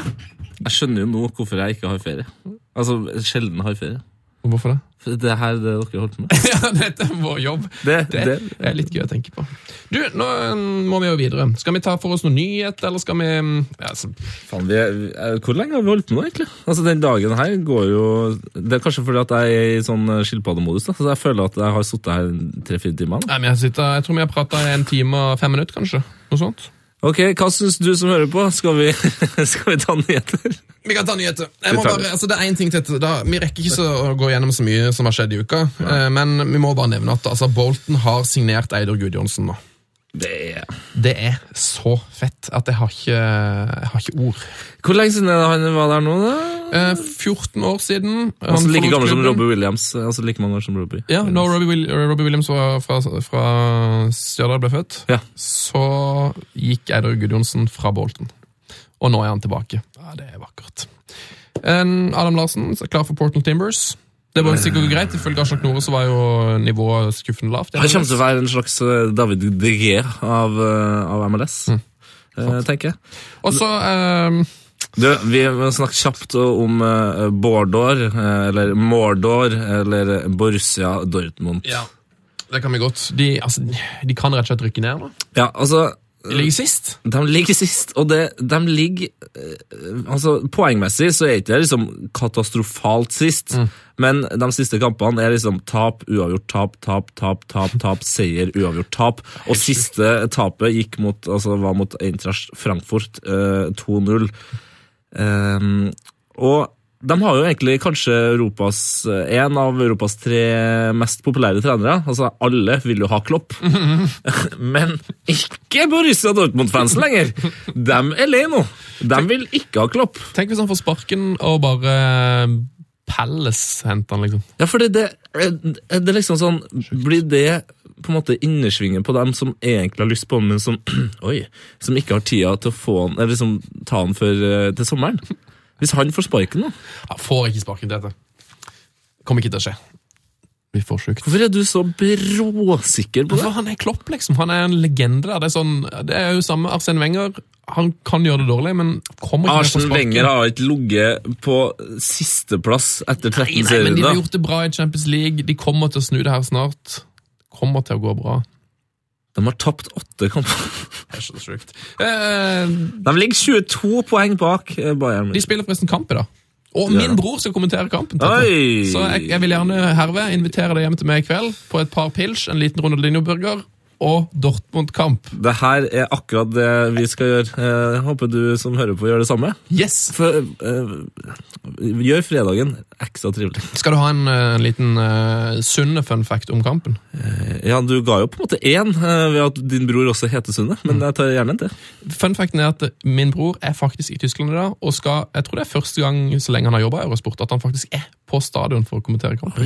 Så han er on site. Han er on site. Jeg Håper at han ikke choker, da. Får håpe det. Håpe det. Skal vi gå til en av våre favorittspalter, nemlig din, din spalte. Åh, min spalte! Yes, det er klart for Eh, Bare vent litt, få påklangen da. Ok, vær så god. Gjett! Det rakk vi ikke. Yes, velkommen til Shit, det rakk ikke. Um, Det rakk er vi ikke. Jo, men jeg har noen greier vi kan rekke hvis du vil. Ja, men ikke, altså, ikke si ikke. Oh, ja. Shit, altså Spalten heter Shit, det rakk vi Velkommen ikke. til Shit, det rakk vi ikke. Eh, vi skal snakke om ting vi ikke rakk for uka som gikk. Hva hva det vi ikke rakk å snakke om, Tete? Eh, vi rakk ikke å snakke om at Barcelona eh, som skal, ser skal snu stripene sine. er Og rart. det er rart, eh, for drakta neste år de får da horisontale striper. Eh, og de har hatt striper andre veien, som du så fint har skrevet der. Mm. Jeg liker at du skriver andre veien. Mm. altså vertikale stripper. De har hatt vertikale stripper i 115 år. 115 år! Det rakk vi ikke å snakke om. Eh, Jeg har forresten stjålet den saken fra dagbladet.no, det kan jo være greit å nevne. I tilfelle den inneholder feil, eller sånne ting, så er det Dagbladet som har skylda. Skyld på Dagbladet. Rakk heller ikke snakke om at Uranienborg Futsal eh, mottok sykt mye tippemidler. Det var, de, mottok, de var nummer syv i Norge. På, de fikk inn en million nesten i tippemidler eh, på grasrotandelen. Så viste det seg at det bare var en kompisgjeng som hadde brukt pengene på sprit og tipping. Rakk ikke snakke om det. Det rakk vi ikke å snakke om. Det gjorde vi ikke. Har du en til, eller? Eh, har ikke du en? Eh, jo, jeg har en, men jeg, det er alltid best å slutte med den. Okay. Eh, vi rakk heller ikke snakke om at eh, Manchester United eh, sin keeper David Gea spilte så bra mot Stoke at nå ryktes at han faktisk er Spiderman. Rakk ikke snakke om det. Det rakk vi ikke å Det snakke rakk om. vi ikke snakke om! Men til slutt eh, så rakk vi ikke å snakke om Jo, det gjør vi jo! At Rosenborg skal tilbake til retteren. Post og brevet, post og brevet, post og brevet. Post og brevet, vi har fått post fra deg. Ærede forsamling. Vi er her samlet i dag, søndag morgen, For å lese opp post og brev post og brever. fra Heia fotballslyttere. Du kan også sende inn post og brev til oss. Vår e-postadresse er heiafotball.nrk.no. Og ikke minst, kollekt sendes gjerne til Tyholt, NRK, P3, Tete Lidbom. Kol Kollekt kan sendes til Sven Sunde privat. Finn adressen på nettet. Du, Oi. vi tar en, en brev fra Truls Bly. Wow, det var et uh, Det er så fett navn. Jeg tenker at hete Truls Bly. Han har norgeshistoriens tyngste navn. Altså, Han må være metallvokalist. Jeg kan ikke forstå noe annet. Han har altså Truls Bly. Ja, dritfett. altså. Truls Bly, eh, hvis du hører dette, send oss gjerne en lengre mail om altså, hvor dette navnet kommer fra. Er det noen Er du metal-vokalist? Hva skjer med blyslekta? ja, altså, her er det jo egentlig Her er det jo en karriere Spiller du fotball? Du, her er det jo en karriere i at han kan covre eh, Truls, altså artisten, Ja. eh, bare i metal-versjoner. Og bare kalle seg Truls Bly. Å, nydelig. Skihoggeren heter Blytungt. Truls Bly skriver Hei, boys! Hei, boy. Mo IL har selvfølgelig brune drakter. Husker de spilte på Briskeby. Sist HamKam var i andre div. Hilsen Truls, HamKam 2. Takk, eh, Truls. Vi, var jo, vi klarte jo å påstå at eh, Mo IL ikke spilte i brune drakter når Lars Berrum var gjest her forrige uke. Mm. Og det retta opp. Det er, det er faktisk veldig viktig at dere gjør det, at dere retter opp uh, i det vi sier. Uh, for vi, vi, vi farer ikke med løgn. Det er helt sant. Det vi, for nå får vi jo, vi har bestilt 150 nye T-skjorter, Ja. så nå kan vi faktisk begynne å premiere gode, gode, gode, gode mails med en, en T-skjorte. Ja, og hvilken farge har eh, den skjorta her? Burgundy. Burgundy? Ron Burgundy. Vi får burgunderskjorte, det blir helt konge. Det er. Eh, jeg vet ikke om vi skal ta så mange mer, mer mails. Nei, vi har liksom, eh, altså Aslak, eh, vår eh, gjest i dag, han hadde mye godt på hjertet, så jeg føler at vi vi kanskje kan dundre videre til fullføre. rekke. Jeg gleder meg sånn til Gloryholen i dag, nemlig, for den er rar, ass. Å, yes. da, kjører vi, ass. da kjører vi over på quiz, da. Er det greit? Quiz, da. P3s Heia fotball med Tete Lidbom og Sven Biskår Sunde. Sa du, sa du quizdan på en litt sånn jamaicansk måte nå? Nei, jeg, jeg prøvde egentlig, det som faktisk Når jeg sa det, så så jeg for meg rapperen, en av de mest hurtigtalende rapperne i verden. Yes, Twista. Ja, for jeg Twista. Twista. Twista. Velkommen til Full for rekken. Eh, Det er jo vår konkurranse hvor vi nå deler ut en eh, Heia Fotball Burgunder unik T-skjorte. Eh, Det er ganske vanskelig, denne konkurransen. Og Forrige uke var det skikkelig, skikkelig grisevanskelig. Du blir, du blir ekstra glad når du, du legger merke til at den er vanskelig. Altså, Og jeg blir så glad når jeg merker at her er det veldig få som har klart å svare riktig. Nå har jeg satt de skikkelig fast. Fair, men vanskelig. Men altså, forrige uke var skikkelig vanskelig, for det er noe med at når det er mye sånn klubbe, så er det litt uh, tricky. Men forrige ukens rekke var som følge. Brann, Molde, Vålerenga, Stabæk og Og... Ja, den er vanskelig, den der. Svaret denne uka er Strømsgodset. Ja. Og grunnen til at det er Strømsgodset, det er at vi skal fram til lag som har vunnet serien og rykka ned etter år 2000. Det var en, eh, det var en sånn liten fun fact som gikk på Twitter forrige uke, som vi rett og slett bare stjal og brukte som vår rekke. Så det er altså riktig svar. Strømsgodset. Er det noen som har klart dette, da, Tete? Eh, du, det er det. Det er det. Eh, og jeg skal plukke fram her, mm, på min sedvanlige alt-tabbemåte. Ja, du har tatt opp alle e-postene. Ja. Altså, Jeg skal tabbes Tabber mellom de noe så grunn. stopp! Hvem stoppa du på nå? Det ble tomt. Der. Neste. Der! Roar Brønlund. Hei! Roar Brønlund. Ja, ja, ja. For et navn. Åh, det er et skikkelig bra navn. Det er ikke Eh, Truls Bly, men det er ok. Nei, og så har han også Han har på en måte kategorisert mailen og Fantastisk. Vår mail, da, altså vår mailadresse da, i hans mailopplegg er grønn kategori. På grunn av fotballgress, kanskje? jeg vet. Yes, ja, det høres rart ut. Det er rart. Og oppfølgingsflagg. jeg Følger opp eh, status på flagg. Dette er jo ting som du eller vi har gjort. Det er du som har gjort det. Jeg, som har, jeg har jo markert jo de som har svart riktig, så Ja. det er sikkert, sikkert vi som har markert. Du er utrolig glad i grønn kategori. Jeg vet ikke hva det er. Ja, men Roar, eh, tusen hjertelig takk. Eh, Du har vunnet Han vil ha en dobbel XL. Det tror jeg kan bli vanskelig, men vi får se hva vi får til. Det har vi ikke, Roar. Det har vi ikke, har vi det? Har ikke. Du kan få en XL, selvfølgelig skal du få en Excel. Han kan ikke få to XL. Skal vi ta neste ukens rekke? Ja. Du, da skal jeg gi deg noe tilleggsinfo her. Vi har nemlig fått en dødela fet mail fra Herman Kirkenes. Hei, Heia, Herman. heia fotball, Herman.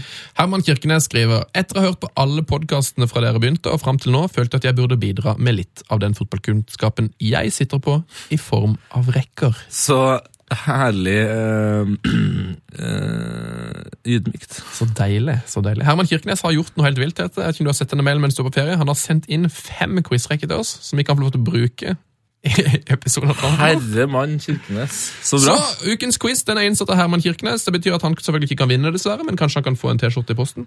Ja, altså Hvis vi bruker mer enn én quiz, som jeg har en følelse av at vi kommer til å gjøre, eh, så fortjener han en eh, skjorte. Ukens quiz er altså innsett eh, fra Herman Kirkenes. Det Det er sa du i en lytterquiz. Nesten ukens rekke er som følger. Kjetil Wæler, Morten Berre, Daniel Berg Hestad og Hæ? Kjetil Wæler, Morten Berre, Daniel Berg Hestad og Hva tenker du? Så Nå tenker jeg først at det er annenhver æ og e i navn som uttales eh, med æ. Mm. Men eh, det er det jo selvfølgelig ikke. Tenk mer eh, kvalitet her. Kanskje de har noe kvalitet? Er det et eller annet som Jo, nei, altså det er, Jeg tror jeg, jeg vet det, det. Jeg tenker det er noe antall her. Det, Antallet er viktig. Kanskje det har noe med tall å gjøre. Hvem vet? Vil du være med, send inn ditt svar. Heiafotballkrøllalfa.nrk.no. krøllalfa, nrk.no. Heia fotballs glory hall. Velkommen til Heia Fotballs Glory Hall. Um, Det her med hyller våre helter til dette. Ja. Vi pleier alltid å spørre gjesten hvem som er deres helt, men Aslak Tora har gått. Smell. Uh, Jeg tipper det er kanskje det er Erik Cantona. Det har jeg, jeg hørt at han er veldig veldig glad i han. Ja, det er han, ellers er det en eller annen balkanfyr. Balkan-fyr. Det er iallfall ikke Vegard Forhen. Som vi kan si med Eh, sikkerhet. Og ikke Nei. ikke.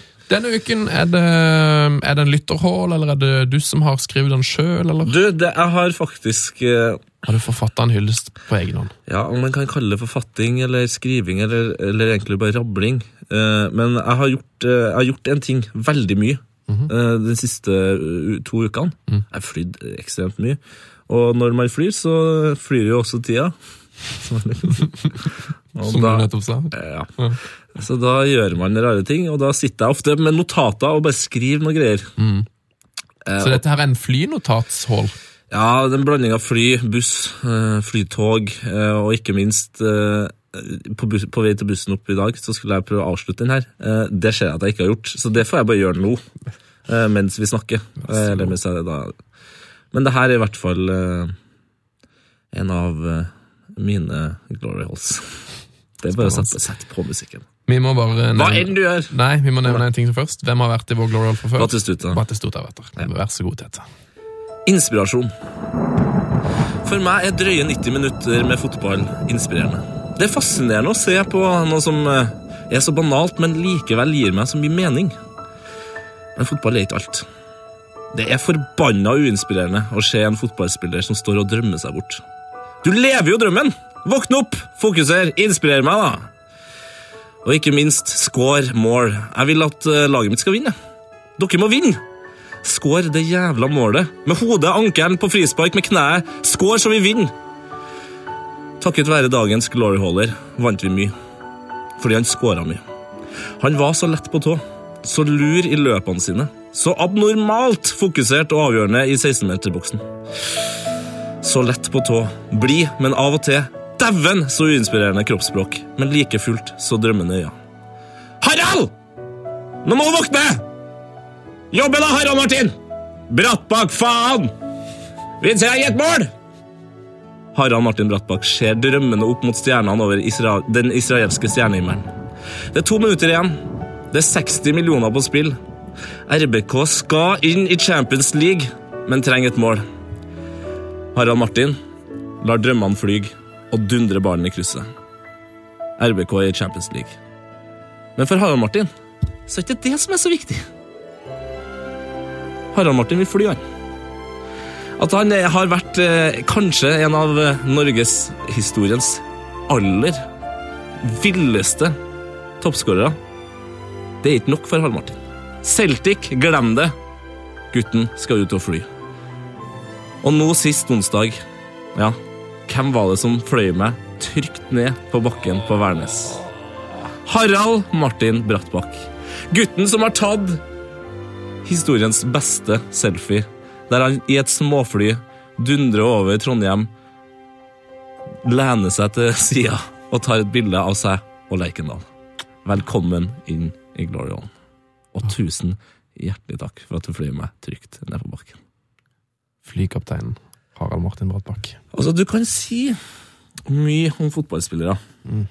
Men det er en, en av de tingene som irriterer meg mest, er at de ofte gjør det samme, virker det som, eh, når de er ferdig. Eh, Eller underveis. Jeg føler at det, Nå har det begynt å bli en del leger, det har begynt å bli en del som driver med økonomi, det er noen som holder på med hytta, det er noen som eh, hopper seg inn i TV 2-sporten. Men flyger Det er så fett, det. Det er så sykt fett! Harald, hvis du hører på, eh, kom på besøk. Vi, altså, vi må få Brattbakk her. For en fotballspiller. Kaptein Brattbakk, kan du vennligst komme til Gate Heia Fotball? Gjerne. Takk for i dag, Tete. Du, det var veldig hyggelig. Da håper jeg at dere har rettet ut stolryggen, og ikke minst eh, skrudd av viften opp i toppen, fordi jeg tåler ikke trekk. Da er det klart for avgang. Da sier vi bare takk for i dag, god helg og heia fotball. Heia fotball. P3s Heia fotball. Ny episode hver fredag. Last ned din nye favorittpodkast på p3.no podkast. P3.